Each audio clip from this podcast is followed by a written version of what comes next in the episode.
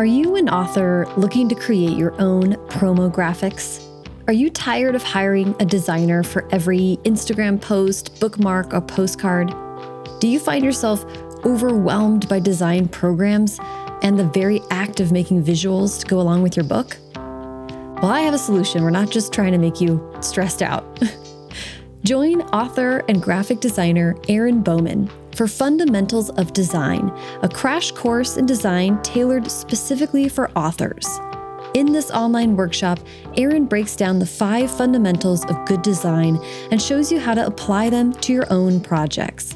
The course gives you the tools you need to make smart, visually pleasing choices while working in any design software.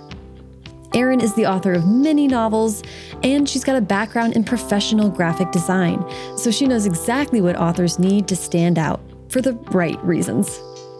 Register today and gain the confidence to start designing your own legible, purposeful, eye catching graphics. Something no one's going to scroll past. And once you take the course, you have that content forever, so Erin's expertise can be reapplied for every book or future project you take on. Head to embowman.com slash workshops to enroll and use promo code FIRSTDRAFT20 to save $20 off the $79 price through the month of May 2022. Again, promo code FIRSTDRAFT20 to gain lifetime access to the course for just $59.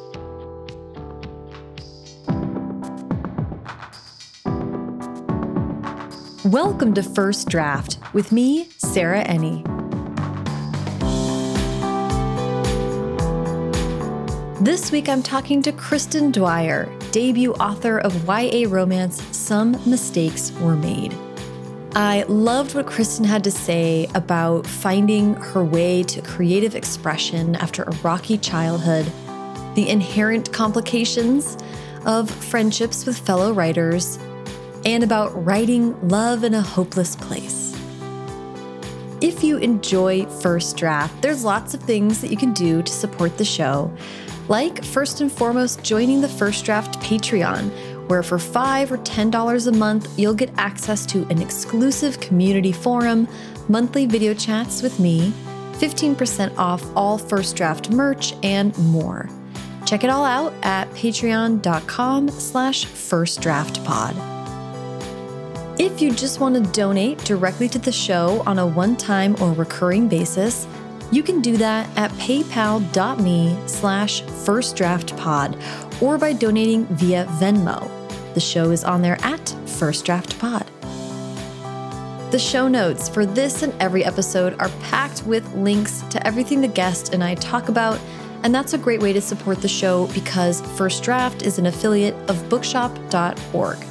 So when you click a book to buy through firstdraftpod.com, it brings you to bookshop.org. You buy it there. Part of the proceeds go to support First Draft, and part of it goes to independent bookstores, all at no extra cost to you. And hey, while you're on the website, check out the shop to see all the First Draft merch.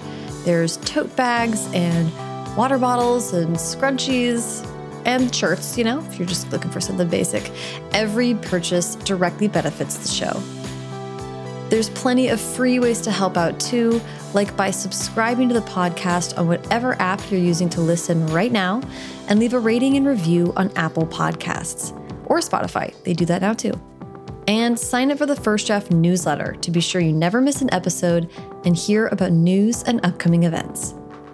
Okay, now Please sit back, relax, and enjoy my conversation with Kristin Dwyer. Hi, Kristin. How are you doing today? I'm lovely, Sarah. How are you? I'm doing well. I'm so excited to talk today. Uh, I feel like your debut has been a long time coming, and I'm super excited about it. But before we talk about some mistakes were made, as you know, I like to go all the way back and uh, get some background info on the writers. So I'd love to start with where were you born and raised? I was born and raised in Northern California, right outside Sacramento.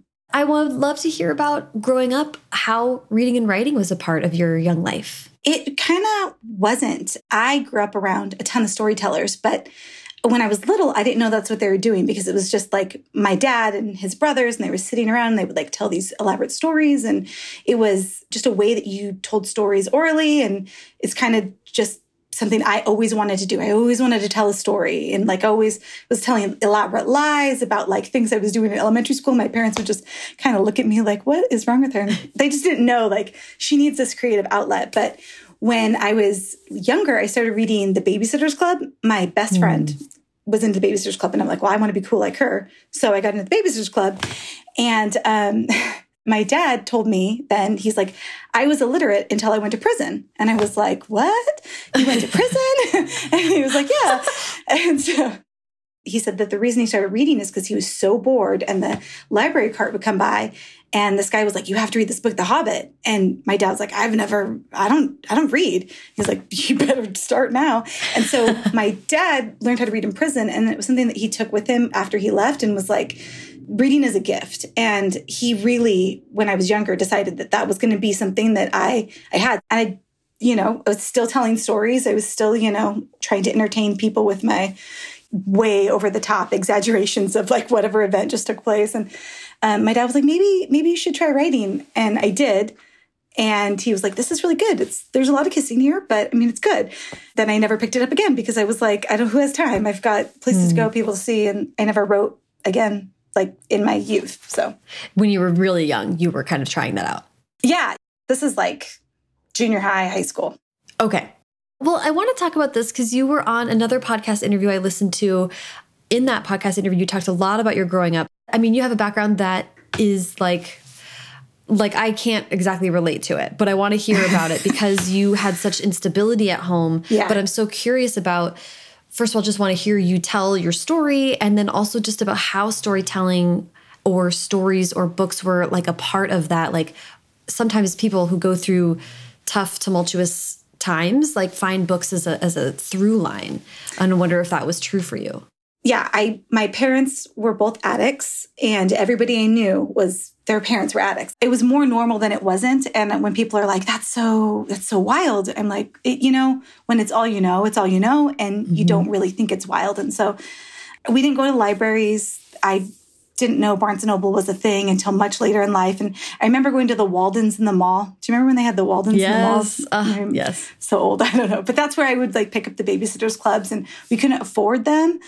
So I would sneak books at the grocery store into mm-hmm. my mom's like shopping cart or my dad's shopping cart, and um, they were like the check. They were the paperbacks at the at the checkout. It was like mm-hmm. you know James Patterson and you know uh, uh, John Grisham stuff like that. Mary Higgins Clark and yeah, yeah, yeah. It's so weird because when you're when your life is like that, everyone around you is trying to survive. And yeah. so the idea of being an artist is almost ridiculous.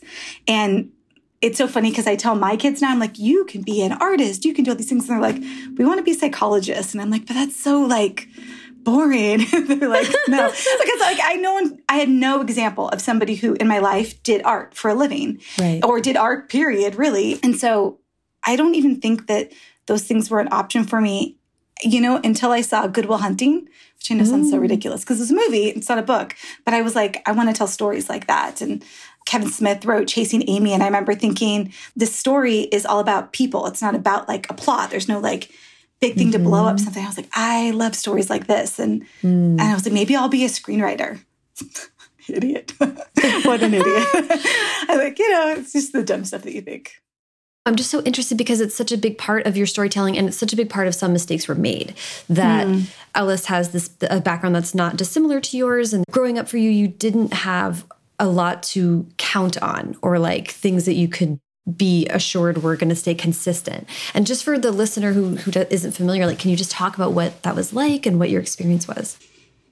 Sure. I mean, it's such a hard thing because only now, later in life, am I realizing how different it was. And mm-hmm. I think the tendency to, when we talk about, especially the conversation around poverty, we always talk about poverty like it's this terrible experience that's been thrust upon people and if only they could pull themselves up by their bootstraps and mm. you know that's just not that's not reality it's also not always bad you know there mm-hmm. there's a community aspect to it that is really it's beautiful and it's it's so funny when i married my husband, he is from an upper middle class family and he was like baffled by things that happened in my life constantly. Like I would I wouldn't lock the door because we moved into this neighborhood that I had lived in before.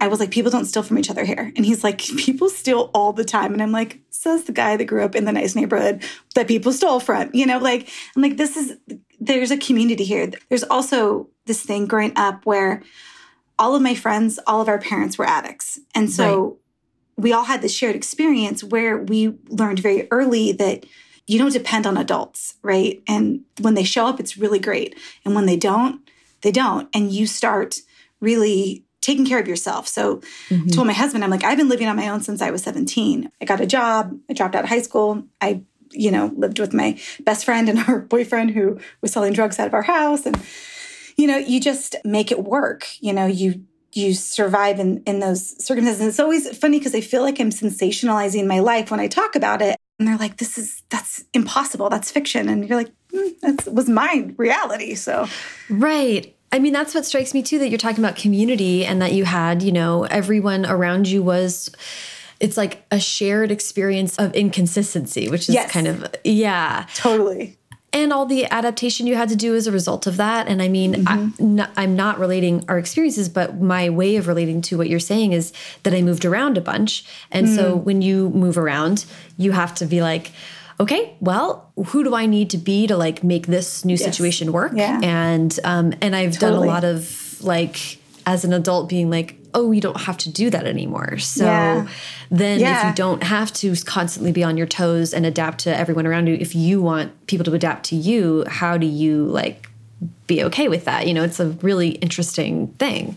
Yeah. There's this aspect of being a chameleon that like is just learned. And, you know, I just want to stop you and say that I think the thing that I've learned the most in my life, especially from the way that I grew up, is pain is pain. Like mm. we do this thing where we quantify it. We're like, okay, mm. well, her experience was so much worse than mine. But at some point, it all hurts, right? You know? Right. And so, like, I, I do think our experience is probably very similar because you're walking into, you know, whatever situation, yours is a high school, and you're just trying to figure out how to survive that experience. And mine is, you know, wherever I was, you know, trying to figure out, like, how do I be the, like, how do I not be the drug addict's daughter? How do I not be mm. the girl who's a mess? How do I how do I be the girl that has a home? How do I be the girl mm-hmm. so that people don't know how messy your life is? And you realize you realize what you can use to your advantage. Like if I say this, this person will feel bad for me and I'll get what mm-hmm. I want. Or mm-hmm. if I don't say anything, I'll get what I want. And so you mm. start like manipulating your own experience and pain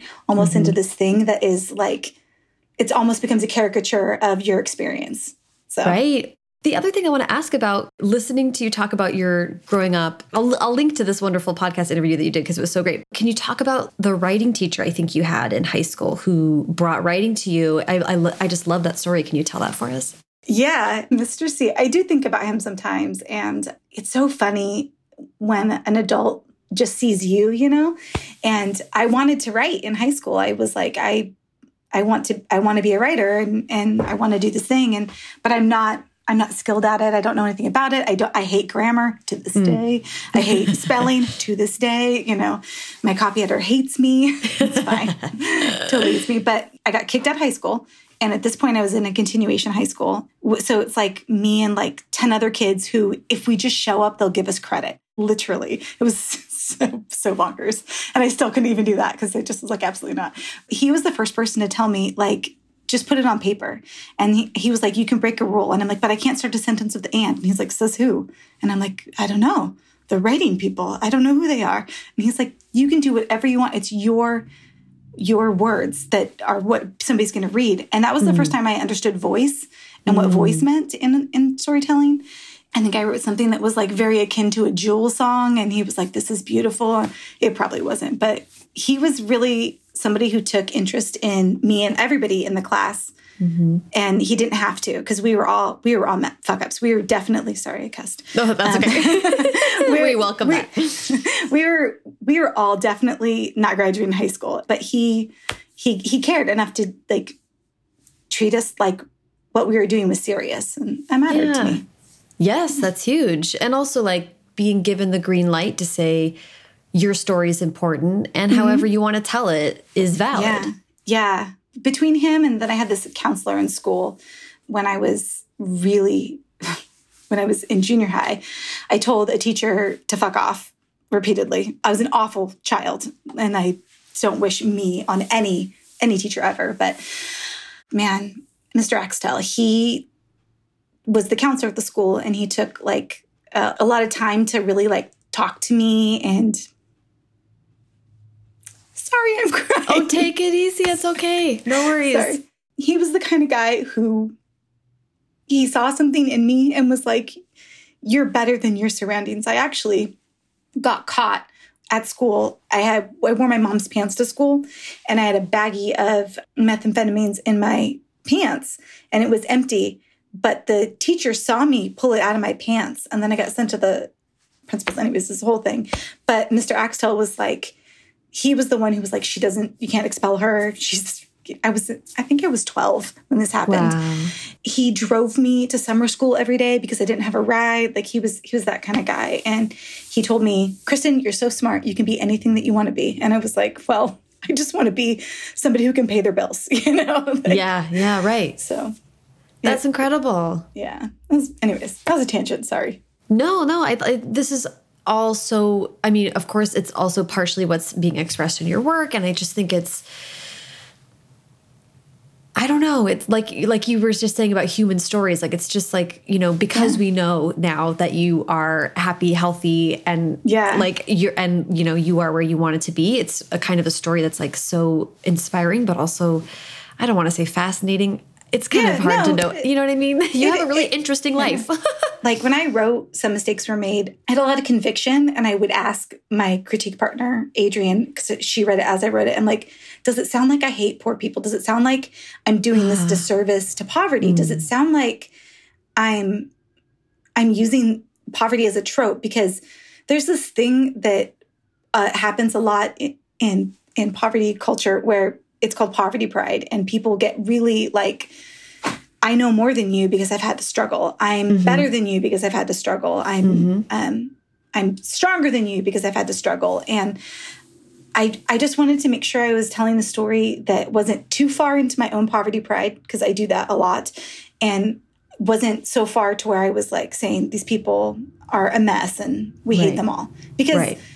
even in my story, I just wanted to make sure that I was saying everybody's messed up, you know? Right. Yes. And so, honoring that experience and expressing yeah. it as it's a difficult thing, right? Like I'm mm -hmm. having I'm having a hard time framing it in this conversation where it's like I'm not um wanting to sound like I'm shedding light on this as an othered experience. It's like I'm just interested in your life, but it but yeah. you can so easily slip into the kind of language that otherizes or like exoticizes in some way. Yeah. So anyway, I feel you. Can you talk to me about about you know leaving school and kind of becoming a young adult and how writing may or may not have been a part of your life for a while? Um, or, how, or how you came to it in a serious way? I left school and i left home and i still had the same group of friends. We're, mm -hmm. we're all still very close but none of them were storytellers. I didn't know that that was even something I should I would do. So I would write stories and then I would like leave them at my house. And our our friend group was very we were all over each other all the time. We were at each other's houses. And I remember one of them found one of my stories and read it out loud, and it was so embarrassing. So oh, embarrassing. Oh, no. But here's the thing: is that they didn't they have no idea that that is like that work is so personal yeah. And I didn't know that my work should be that personal. I just knew that mm. I was mm. humiliated. Mm. And I was like, oh my goodness, I'm like, I can never do this again. Like, I can't, I can't write anything. And I did it for, well, I mean, I, that's a lie. I would write little things and they would be on my computer and they're always, it was always fan fiction of something like mm, that I didn't mm-hmm. realize it was fan fiction. And, but then I got pregnant at 20 and I had a kid.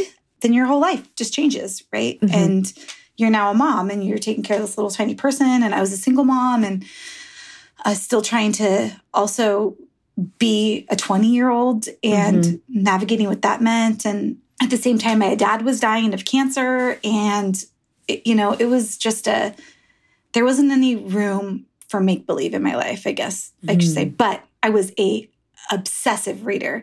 And then I remember Twilight came out And I know it sounds ridiculous, but I was like, this is my jam. This yes. is where all books should be forever and ever in eternity. Let's just keep writing Twilight, guys. Let's just let's just never stop. And obviously books have gotten so different and evolved and grown and I love where storytelling's gone now. But like when that happened, that was pivotal for young Kristin.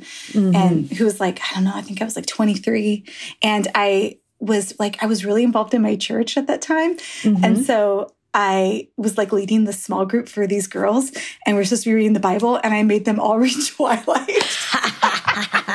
That's incredible. I, I, I was like, that. listen, you gotta get you guys, this is where it's at.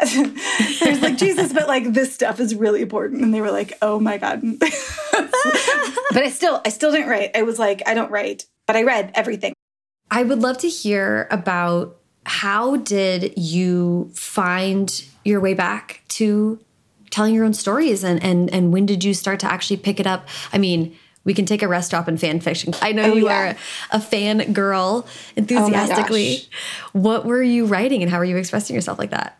So i was writing hand to god a ton of like hockey romance and a ton of like fake twilight romance. I didn't know that's what i was doing at the time but Amazing. it was a lot of it a lot of it and then when i got married my spouse was like you know, here's a laptop, do with it what, what you will. You kind of seem like you want to tell stories. So, like, I know that you had like a bunch of little things on your computer. Here you go.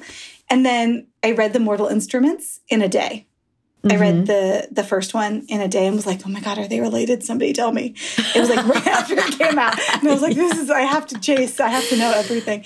and so I started writing a story that was, and I did not know this, but it was fully fan fiction of mm-hmm. Cassandra Clare and her books and i was like i love this this is this is everything to me this is my whole existence i had not told anybody that i had i was writing anything it was like my deepest darkest secret and then i was at this um, at this group and Adrienne Young happened to be there because we were like friends like in real life and not just in writing life and i told this group of people i was like um, you guys i just i need to confess something to you and tell you because you're my closest friends but i'm writing a book and they were like, oh, that's so great. And then Adrienne from across the counter, I'll never forget this, her face, everything. She was like, what? I'm writing a book. And I was like, this bitch is stealing my thing. she is taking my thing. And everyone's like, oh my gosh, Adrienne, you're writing a book too? And I was like, I cannot believe Adrienne is out here telling all of our friends that she's writing a book. And then I was like, oh, that's it. That's it. She's dead to me for like two minutes. And then I was like, send me your stuff. And she's like, absolutely not. And then we read each other's stuff and we, I don't know, we, we just kind of clicked. We had no idea what we were doing. It was, it was so bad. Oh my gosh. But I have such a fondness for those books. Yeah, no, I mean, I'm so fascinated by this. I don't know two other writers who have had such a long-term functional kind of co-writing yeah. um, like support system for one another yeah. and it's really special. I would love to hear about those especially like the early times like how did you develop um, this friendship and encourage yeah. one another? Like, what did kind of the evolution of your writing and also that um, friendship? How did that go? Okay, well, here's the deal. I'm going to start with something Adrienne hates that I tell people, but she did not like me. We were not friends. She was like, This girl is loud. She talks about pop culture too much. We have nothing in common. She's not a serious person because Adrienne can be very serious. She can be very silly too, but she, she be very serious. And she was like, This person is she's chaos, and I am to be fair.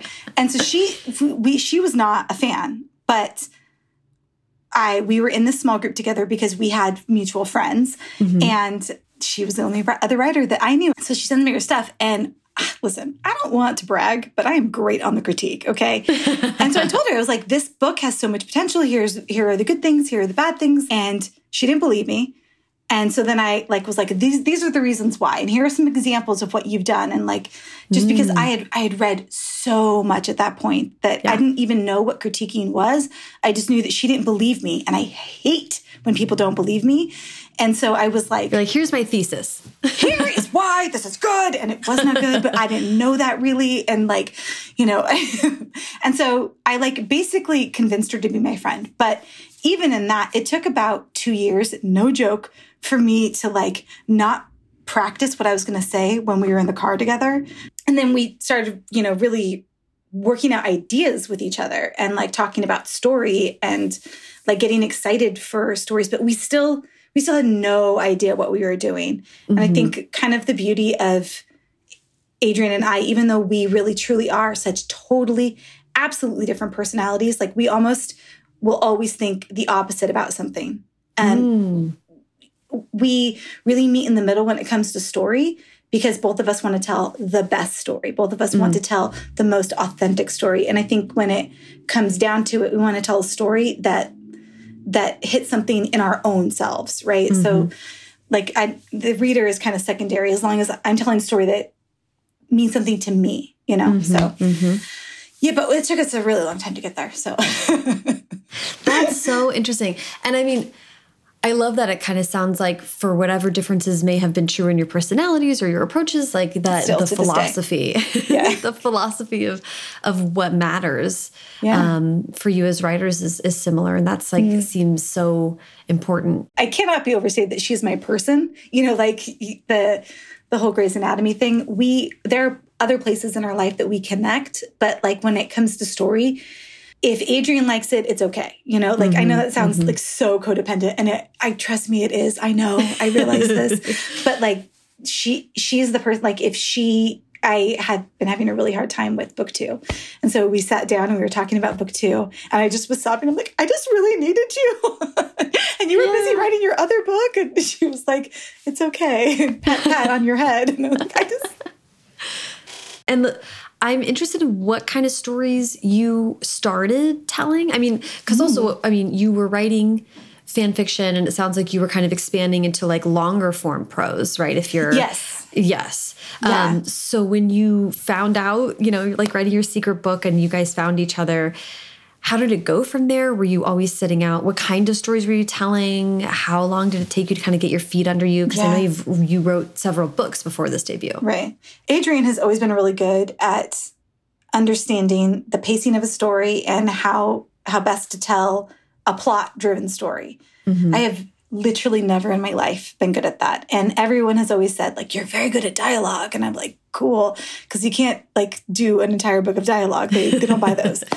and so, but when I first started out, it was the Cassandra Clare fan fiction that I didn't know. And I was like, I, I should write this fantasy book. And a friend of mine from high school was a published author. And so I reached out to her and she had this whole network of people in Sacramento that were writers. And so I'm like, Adrienne, I think I found us some friends. Like it's not just me and you anymore. I think think we can do it. And that's where we met Stephanie Garber and was this like pantheon of writers. And she, Stephanie at the time had just published Caraval. So she was like, I am not interested in the two of you. I'm trying to survive my second book. and I'm like, be our friend. like sitting at the window staring at her. She was not, she was not interested. she says that she was, but she wasn't. And uh, everybody around me was writing fantasy. So I mm. wrote fantasy because I was like, that's what you do. You write the fantasies. Mm-hmm. And I did try to write a science fiction, but it was always, there's always a speculative element to everything that I wrote, except I was writing contemporary stories mm-hmm. with, there's no plot. So like I'd put these people in like this underwater world and there would just be them not trying to kiss. And it's like, so it's, it doesn't, That's doesn't so work funny. the same way you think it's going to. and yeah. Yeah. And so I started out writing all of those fantasy books and secretly writing contemporary because I thought it was going to go nowhere. Oh, that's so that's really interesting to me. I, I love this kind of stuff because it's so it just takes time to find, you know, and, and looking back, everything feels so obvious. But at the moment, you just kind of have to work through whatever. But it does seem like you, it sounds like your natural gifts are things that are lent best towards contempt, but writing fantasy will really make you have to work at the other stuff. do you think you learned I, about pacing and world building and stuff like that by do by going through? Yeah, I, you know, I learned I'd rather die than world build. That's what I learned. I don't want to describe a cup to you. It's a cup. Like like use your imagination, you know, or you know, but like Adrienne's like the green glass glittered in the, in the no one cares. so um yeah, I I wrote this adult novel, which was the first iteration of Some Mistakes Were Made. I wrote five chapters of it and I sent it to Adrienne in 2016. And she's mm-hmm. like, this is very good. Keep going. And I was like, I'm going to write a Russian inspired fantasy. I'm not Russian. why did I think I could do that? Like, why was I trying to do that? I don't know. because whatever. Yeah. Tell me about writing those chapters and like what what inspired you to kind of give that a shot? Like ask like give yourself permission to even write those first few chapters in a contemporary setting. Well, okay, so the story here is that I wrote it took me 2 years to write this fantasy. And I, I still love this book. It's just I'm not equipped enough at this point in my life to write it. I'm good enough to do whatever I want. I'm yes, not equipped love enough. that. Um, but I had written this thing and it hurt. Pressed on a wound. I wasn't ready to open. Um, and so I started writing fantasy. I wrote a Russian inspired novel. I wrote a sci-fi, and then I went and I wrote this other fantasy. I, it took me two years to write it, and the entire time, Adrienne was like, "This is not the novel," and I'm like, "You're not the boss of me." And she's like, I don't care. You're wasting your time and my time. And I'm like, you don't get to tell me what to do. And uh, I did. I believed in it. It was it was super okay. The novel was super okay, and I sent it off and I was querying it, and I was in I was at Y'all Fest actually, and I was doing a writing retreat afterwards with some author friends, and they were talking about this fantasy novel that I was querying and trying to finish up, and they were like, Kristin, like, what is it about this novel that you love? Because Adrienne over here hates it, and Adrienne's Adrienne then proceeded to pull up this email from 2016 and read aloud to my group of friends who are all published. All, all of them are published. All of them have works on the shelf. And she's reading my crappy email to a room full of writers. And I was humiliated and mortified because this is the exact same thing that happened to me when I was younger, right? So it's like this whole like, I can't believe she's doing this. And the, when I'm gonna cry. The response was totally different. It was this moment where these people like this is you wrote this this is so great i i love this so much and please keep writing and sorry yeah take your time it's okay and i was just like oh well maybe this is the thing. And isabel ibanez she really was like kristin i really think this is what you're supposed to be writing. I think this is special. I think what you've written here is is different and special and special to you. And honestly i'd never had anybody in my entire life talk to me about my work the way that that group of writers did. And it, it they just believed in me and it was just so so different. So anyways that's incredible i mean listen that's such a it's a very cinematic moment to have this like bookend of you know like yeah. and the, this is what i think people talk about in therapy or is like you heal from relationships by being in new relationships yes. and and and behaving the way that feels right to you and seeing people react differently to that right like that's actual growth yeah. It takes time to get to the place where you can risk doing that again yeah. and, and then making sure you're in a setting where people are so that's just like so powerful. And just, oh, yeah, I just like am there with you. Like, oh God, what a moment. But how was, special to, to yeah. come out the other side with that. It was a moment where I felt like these people who had like very successful books and, you know, all of them are like New York Times bestsellers and looking at me, telling me like the other thing. Gosh, I'm just gonna cry this whole podcast. That's all good the other thing was is they're all fantasy writers they're all fantasy writers and they were like your path is different mm-hmm. and that's okay and you can go this like different path and i'm like uh, one of my friends adeline i was like but there's no blood and you only read stuff that has blood in it and she's like i'll read your book and i was Aww. like she's like your book is good but like it's also like this permission to be different like that mm-hmm. was given by these amazing people in my life so it was wild That's so special. No, because I know exactly what you're saying, which is like, it's tough when you fall in with like these are people that you care about and love. And so yeah. feeling like I have to write this type of book in order to stay here and then to get this just an actual green light, like just write the book that you need to write and we'll still be here for you. That's really profound. Where'd you go from there? How did it develop from that point? Yeah. So after after this retreat um, and the bullying, which they call peer pressure, but I call bullying, where they were uh-huh. like, you are now a contemporary writer and you need to go do this, go be on your way.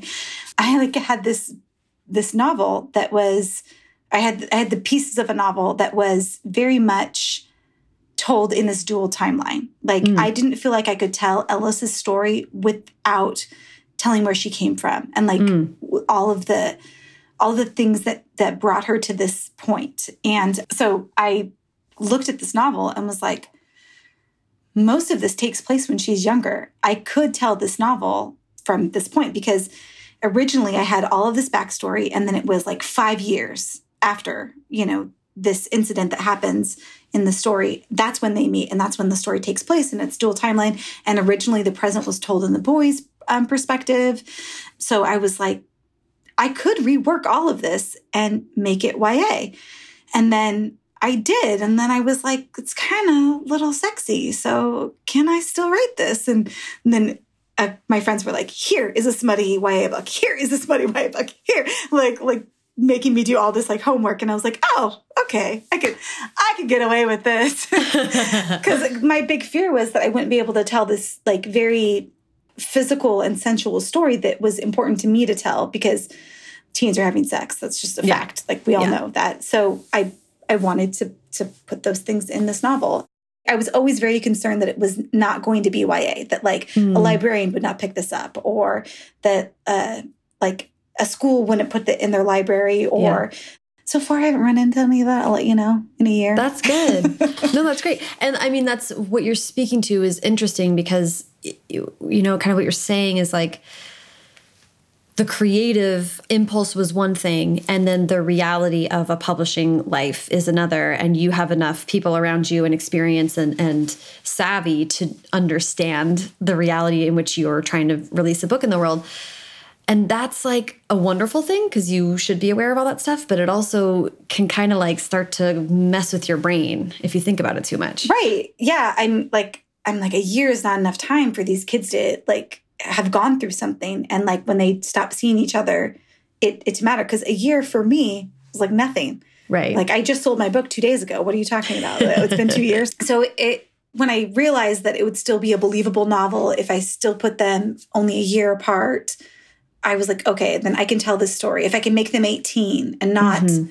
you know keep them at 16 because it's not believable at 16 mm. you know? So mm-hmm. it, it was it was really really looking the story would have been the exact same story whether she was 25 or whether she was 18 and it's funny because the comment i get the most is like you really put me back in my teen angst. And i'm like that's uh, today kristin. Today kristin responds emotionally the exact same way. So um, before I ask more questions about the book, I'd love to just have the official pitch for it, uh, if you don't mind.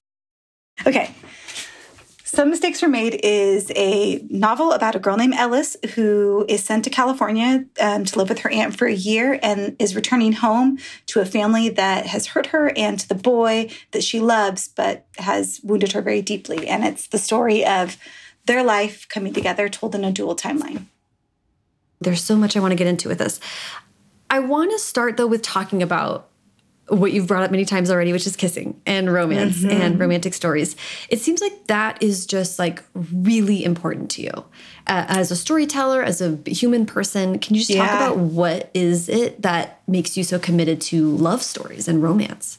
Yeah, I love romance. I think it gets a really bad rap, and I think it's probably one of the easiest ways for entry to empathy, like mm. for people. I think that um, it, because romance hits on pleasure centers, right? When you're reading, you're you're hitting these these pleasure centers, and it automatically asks a question will they won't they a good romance does mm-hmm. but i think it's a really great way to provide a reader without really speaking down to them like so many other issues i love that well it seems like that's just how uh, everyone has their things that come I want to say naturally to them or that seem most important and fundamental yeah. to them in storytelling. Mm -hmm. And it's different for everyone. This is something I've been thinking about a lot lately is like in my book, I don't explore sexuality that much. And I'm like, but for some people, that's like what they want to explore in their books. And it's just like, that's so fascinating. What that's what makes us all different. Thank God we all write the books so that we can read them. We don't have to write them all. Um, Thank God.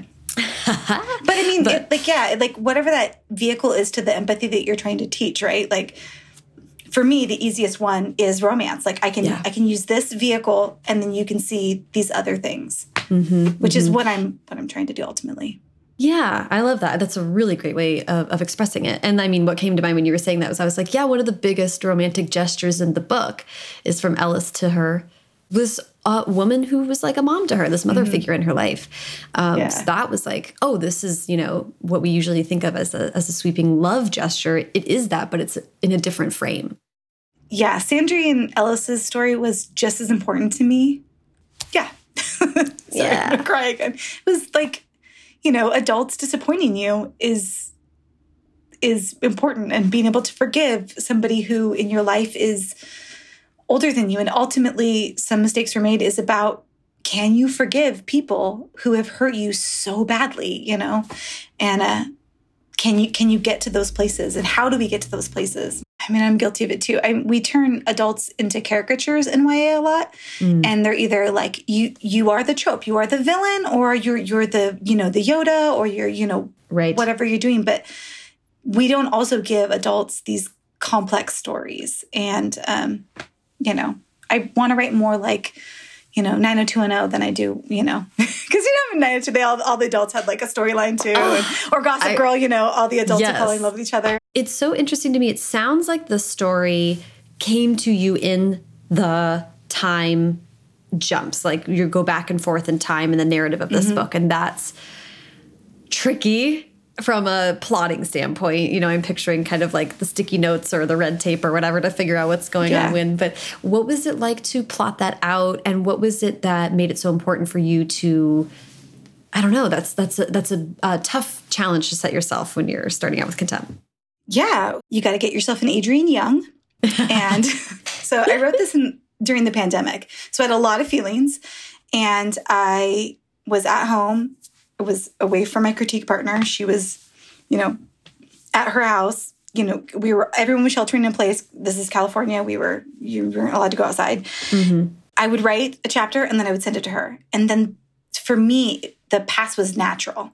Like mm-hmm. just the next the past chapter was just the natural next chapter to tell because I felt like every story, every piece, I felt like I needed to to give you a little bit something different.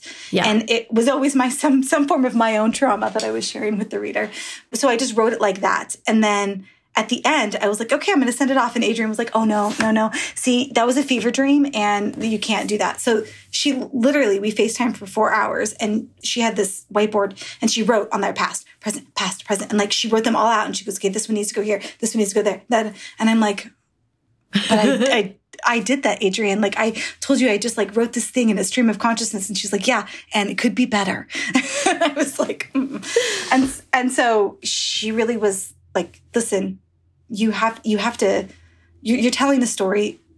This is important. I'm like, because in my mind, it was just, you tell the next linear, mm. like she's this old now, she's this old now. But I had so many past chapters in there that she mm. cut. And mm. she was like, I had this chapter where Ellis is five and a half and she's going to kindergarten and her mom leaves her at kindergarten. And Adrienne's like, serves no purpose. And I'm like, you are a monster.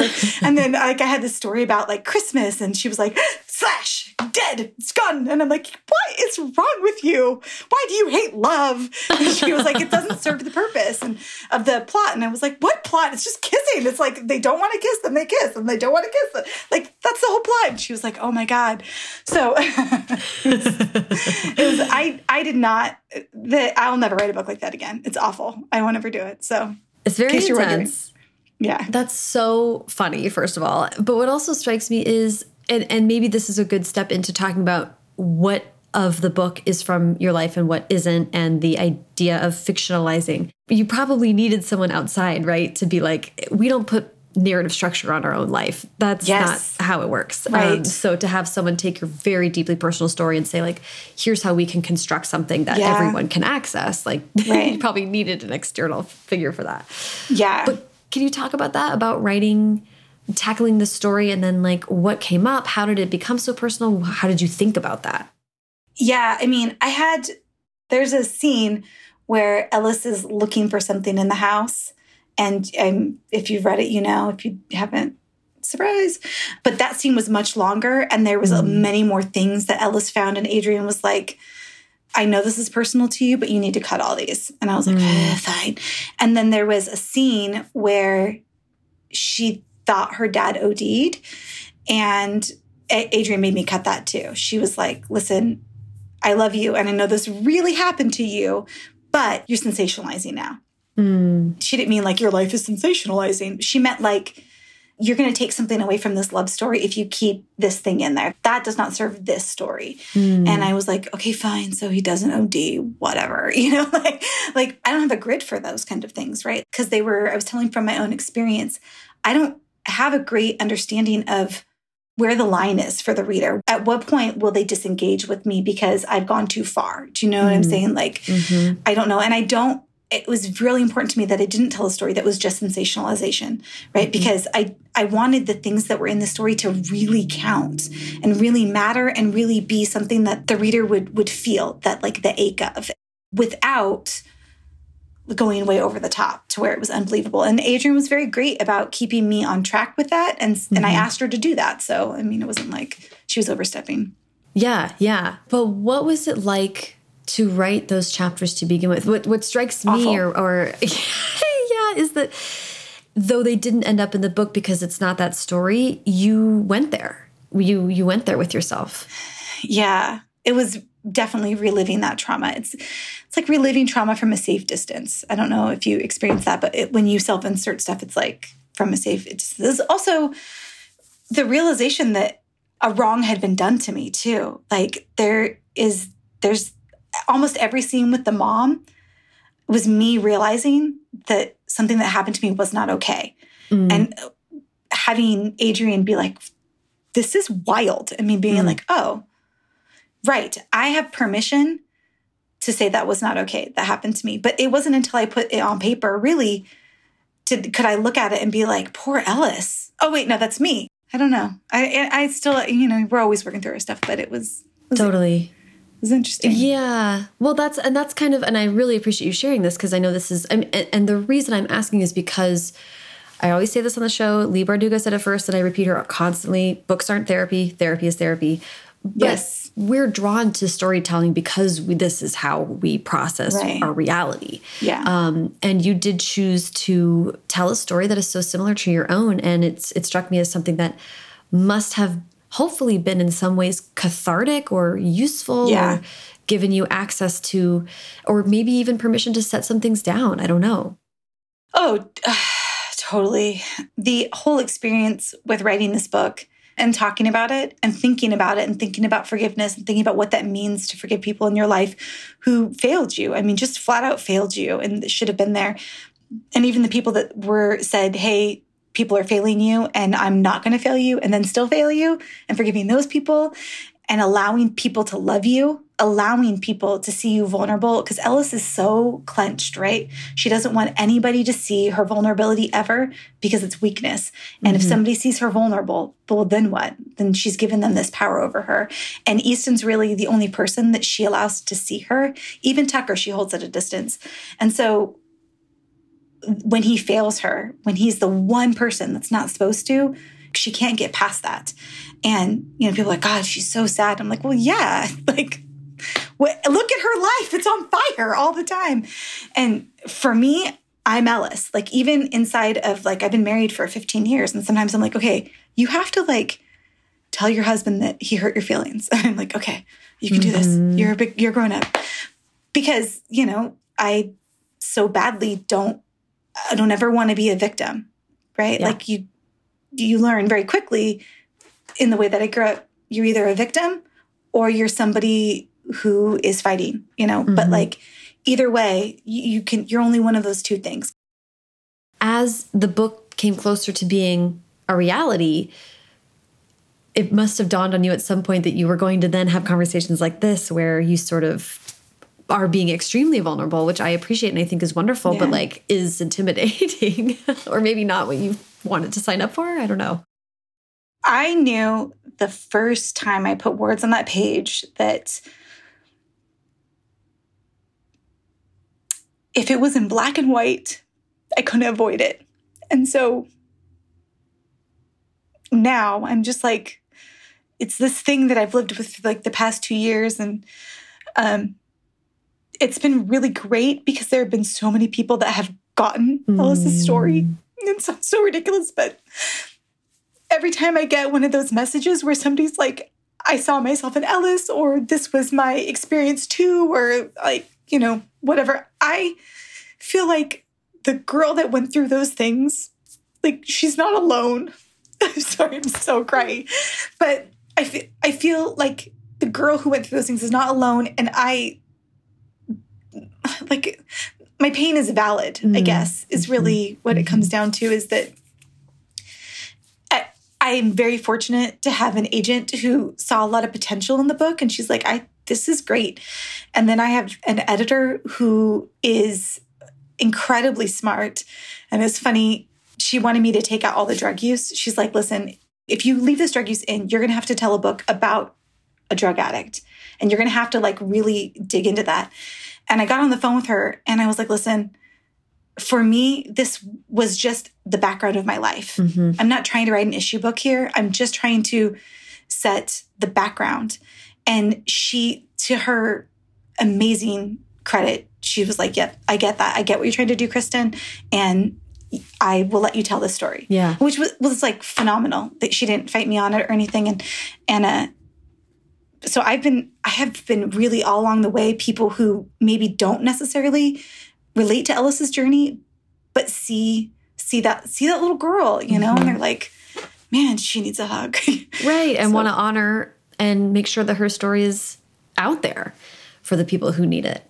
Yeah, and that's, you know, as you're saying this, it is what's coming to mind is that um some mistakes were made is a very romantic story and at its core is Ellis and Easton falling in love and yes, and in a really meaningful way. But you do have so many elements that could have spun out and become a different book, right? Like Yes, let's repeat that. Ellis and Easton, Some Mistakes Were Made is a romance novel about kissing. Yeah. I did write that book. I swear to you, it is like, so people are always like, I cried. I'm like, please stop telling people that. stop telling people it's a, it's a kissing book. It is a kissing book. like, when you sold this book, was it, I think it was a two book deal, is that right? Yes, two books. How were you thinking about that? Did you already have something in mind or were you? Absolutely not man, boy, was I cocky. I was like, you guys don't even know I'm so good at writing. then I got in here and I'm like, oh, this is flies super hard. And uh, everyone had given me advice about the second book. They're like, hey, listen, it's really, really hard to write something on a proposal. -huh. And uh, I was like, no, you guys, I'm like, I'm a savant. like I, have been bored to do this. And I wrote one book and it wasn't the right book, so I scrapped it. Mm. I wrote a second book and I had a Zoom call with my editor because she was like, Hey, let's let's hop on Zoom. And I was like, oh, great, cool. And she was like, Yeah, nope. And I was like, Oh, yep, okay. So which was great because I'm making her sound awful. What she said to me was, Is this your what you want your second book to be? Because I can push dates, I can push time. I want to make sure that this is the novel that you want to come out that is a follow up to some mistakes were made, like that you are proud of this novel. And I was like, I am not. Mm. And so mm-hmm. now I've just finished my second novel and it is actually what I really wanted to write. And I'm actually really grateful that my editor was like, try again. You could do better. Yeah. and I can, and I did. So, but it's awful. Second books are. Real so bad. bad. um, yeah. That's fascinating. And I think just for the listener, I think this is something that's really important to be clear about, right? Because we, because when you get a peek behind the curtain, everyone's publishing journey is so much more complicated than it looks on the outside. So, so what you're saying is you wrote two books before you found the right story. Yes, Sarah. Yes, Sarah. That is I am very I mean, I'm impressed. In a year. To be honest with you, I'm no. very impressed. no, no, I have a drinking problem now. No, I don't. like, like, it is. I a friend of mine was like, I've written you know thirty thousand words since October, and I was like, listen up. In the past year, I've written over two hundred thousand words, and only like 82 of them are usable. Okay. so we're not going to talk about this. The curse is real. It's the book two curse is real. It's so real. And what's what's been difficult for me is being okay with the fact that my path isn't going to look like the people around me. And yeah. And that I have it, it's so hard to just be like, "Oh, I have to just learn the lesson by learning the lesson actually. I can't cheat my way through it by just taking notes by other of other people. You know, you can learn a lot and you can avoid right. a lot of dumb mistakes, but you still kind of have to make the big ones yourself. Sarah, seriously, never truer words because like I mean, understand like we're always trying to measure ourselves against somebody else and be like okay so it'll probably look something like this because you know we're control freaks and planners and warriors by nature right so we're always trying to like figure out what could it possibly look like Yeah. and then you get in there and you realize that none of those factors apply to you and this is all completely your own story and you're like well that sucks because i really would have liked a blueprint Yeah. because publishing is wild Yeah. Yeah. If you're So- trying to have a stable, calm life, it's like, no boy, did we pick the wrong industry for that? No, thanks, Oh not gonna happen. gosh. But what strikes me too is that you know you you have you wrote many books before some mistakes were made, Mm-hmm. but you are like in a new lane because now you have shifted over to contemporary. So in some cases, Mm-hmm. you're like back in apprenticeship. Only you're apprenticing while, while publishing now. it's it's a you know i i have friends that write contemporary. It's not like i'm out here by myself and i don't i don't know anybody but it is it's a different thing that i'm trying to do here. Like i mean i watch adrienne and stephanie try to break story constantly mm-hmm. and even they have totally different approaches to it but what they're doing is not what i'm doing. I'm doing something totally different. And sometimes I'm so grateful for that because I'm like, I'm not in competition with any of my friends. That- and that is such a great feeling to be like, the people that are closest to me are like, look, this great, you know, contemporary novel. It's not even like our fantasy novels that we have over here. I don't have to worry about like coming out on the same day as, you know, Stephanie or Adrienne. I, if I do, it doesn't matter because right. my readership is different and and so i love that because the rebel in me is like yeah that's right i did a whole different thing and then uh, the you know my scorpio you know rising is like oh my gosh get a grip and start like fight and get out of here. What are you thinking? And i'm like i don't even know what's happening. It really is a whole different journey. And it's uh, like you know man i just really want to do stuff my on my own terms. Like i wrote seven books. None of them got published. I was surrounded by people constantly who had all been published and who were not just published, but like very successful. Like, I, you, Yeah. listener, you can't see Sarah's face, but she is doing the long blink. like deeply feel this. Yes. yes, and, and you and you're you're sitting at these tables with them, and it almost feels like you need to justify yourself. And I remember going to conferences all the time all the time and people would ask me what do you write and i'd be like i write nothing don't don't look at me don't perceive me you cannot see me and my friends would be like please tell them that you're a writer and i'm like but I, I'm not published. And they're like, nobody cares. And I'm like, but I care, you know, because Right. I don't feel like I've earned my seat at this table. And although, and I wish if I, there was one thing I could go back and tell baby writer Kristin, it's that you did, you do. Your stories are valid now. That your seat at the table is here now. You can tell these stories now. And you're just as important as somebody who's, you know, sold a billion books Mm-hmm. Maybe not a billion. Like I feel like Stephen King and I do different things, but like you know what I'm saying? Like, Yeah. like you're disqualifying yourself. I constantly disqualified myself. Yes. and I wish I would. I wish I would have known that I didn't have to do that. I didn't have to like have a thing. And you know, it's so funny because I feel really lucky to have been in so many rooms with so many people who I admire their work so frequently and to to be able to talk to them but it's also funny because you learn really quickly who takes you seriously and who ignores you and and you realize oh so this person didn't see me when I was nobody to them because you know you sit in a room and you watch people scan Yeah. while they're talking to you Yeah. and I will say this, Sarah, like uh, when your book was coming out, you talked to me like I was a real person and it meant everything to me. I think we're always looking for a person above us that's doing something similar to us, right? We're always measuring. Yeah. And you were that person for me. Huh. Like I, I was like, Sarah's doing it. Sarah's going to do it. I can do it too. Like, like I'll just keep going forward. And Yeah, well, that's what when I met you. I felt like a total kinship with you and, and do because we have the similar path. And it's like we're very lucky, but there's a unique. um I liked how you said it. Don't disqualify yourself. There's a unique kind of now I'm going to swear mind fuck to being surrounded by really Yeah. successful people and being like, but it's not happening the same way for me. And how can I just like be okay with that? Um, because Yeah. that's just reality. And you know, it's tough, but I, I'm grateful to be tough as a result of it and to also have my own path, you know? I had to sit some of my fantasy writer friends down and be like, listen, what I do is different. Yeah. Like your path to success, what you your markers of success are totally different Yes. than my markers. Yeah. As I say this on a group chat to literally five New York Times bestselling authors, I'm like, one of us is not like the others, guys. It's okay. Like right. I am I'm fine here. You don't you don't have Yeah, yeah. you don't have to want this. like you know what I'm saying? Like it's, Yeah, yeah. so wild. No, it's a it's and it's also one of those things where when you have deep friendships but you're in the same industry it just becomes Mm-hmm. like then there's thorny stuff that just comes up and it's not anybody's fault but there's a lot Yeah. of expectations and goals are different and publishing journeys look different so it's just Mm-hmm. you know it's tricky but we can acknowledge it and Yeah. live in that reality and be okay with it Yeah. um, yeah.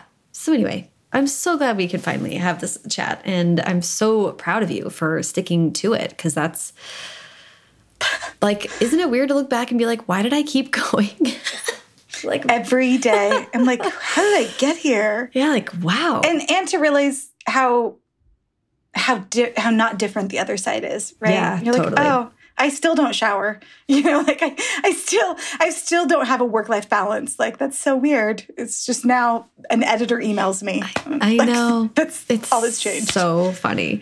Um, oh, well, this is so joyful. Thank you for being so vulnerable with me. It's like really special. Um, I want to ask about what you have coming out next for to whatever degree you can talk about what's going to come out next and then um, wrap up with advice. But what did you finally come to for your next story? You know, I didn't ask anybody if I could talk about it, but I'm going to do it anyways because I'm a rebel. I wrote a story about a young girl who uh, gets sentenced to community service because she's fallen into some bad ways. And she, her and these five other kids go into the mountains, the Sierra Nevadas, and are clearing um, hiking trails. And they all have nicknames and they can't really, it's kind of like holes where they can't like talk about their past or anything because it's like this place where the idea is that you don't have a past there. You are just this person on this trail right now, clearing these things, doing your community service. And um, she really learns a lot about herself on the trail and falls in love with a boy who is very handsome and grumpy. And yeah, that's the book. Hiking and kissing. I love it. Hiking and kissing. Yeah. and and I, I, you know, more bad kids. Um, I would love advice, honestly, for someone who maybe is um, in the trenches like you and I were, and is kind of like maybe having to be a little more patient or to find, I don't know, a, a different way. Like you're someone who changed genres too. I don't know. Any advice you have for someone who's kind of trying to find their place? I think that probably the best advice that I ever got was the only people that don't get published are the ones that stop querying. I know that sounds stupid, but it's real. Like you you eventually will get published. Like it's just numbers game at that point. Mm-hmm. But it's hard and it feels disheartening. And I also recommend a lot of self-care. I think that if if you get that rejection and it stings and it hurts, then you eat a box of donuts if that's what makes you feel better. Or you know take a break and breaks are okay. You can take as many breaks as you want. Publishing is not going anywhere. Books are mm-hmm. still going to go onto the shelf. And so you are not going to miss a trend or a fad or a moment in the sun. Mm-hmm. Publishing is not going anywhere. And and to really understand that i think the other piece of advice that i would give is to be flexible and don't pigeonhole yourself to like i am this or i am that and really find the story that you want to tell that matters to you. Mm-hmm. And because if you believe in your story somebody's going to see that belief in your words. Mm. I love that's that. I think that's wonderful. Well, this has been such a pleasure, Kristin. Thank you for giving me so much time this morning. We just blew past the time, the time we had. thank you so sarah No, seriously no. thank you for remembering me thank you for having me on i really appreciate it and i, I love your podcast i love what you do for writers so Thank you. Mwah.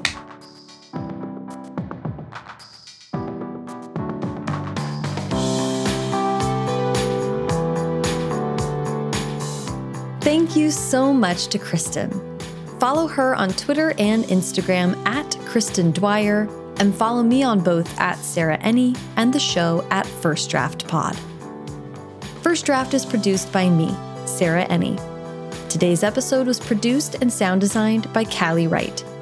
The theme music is by Dan Bailey, and the logo was designed by Colin Keith.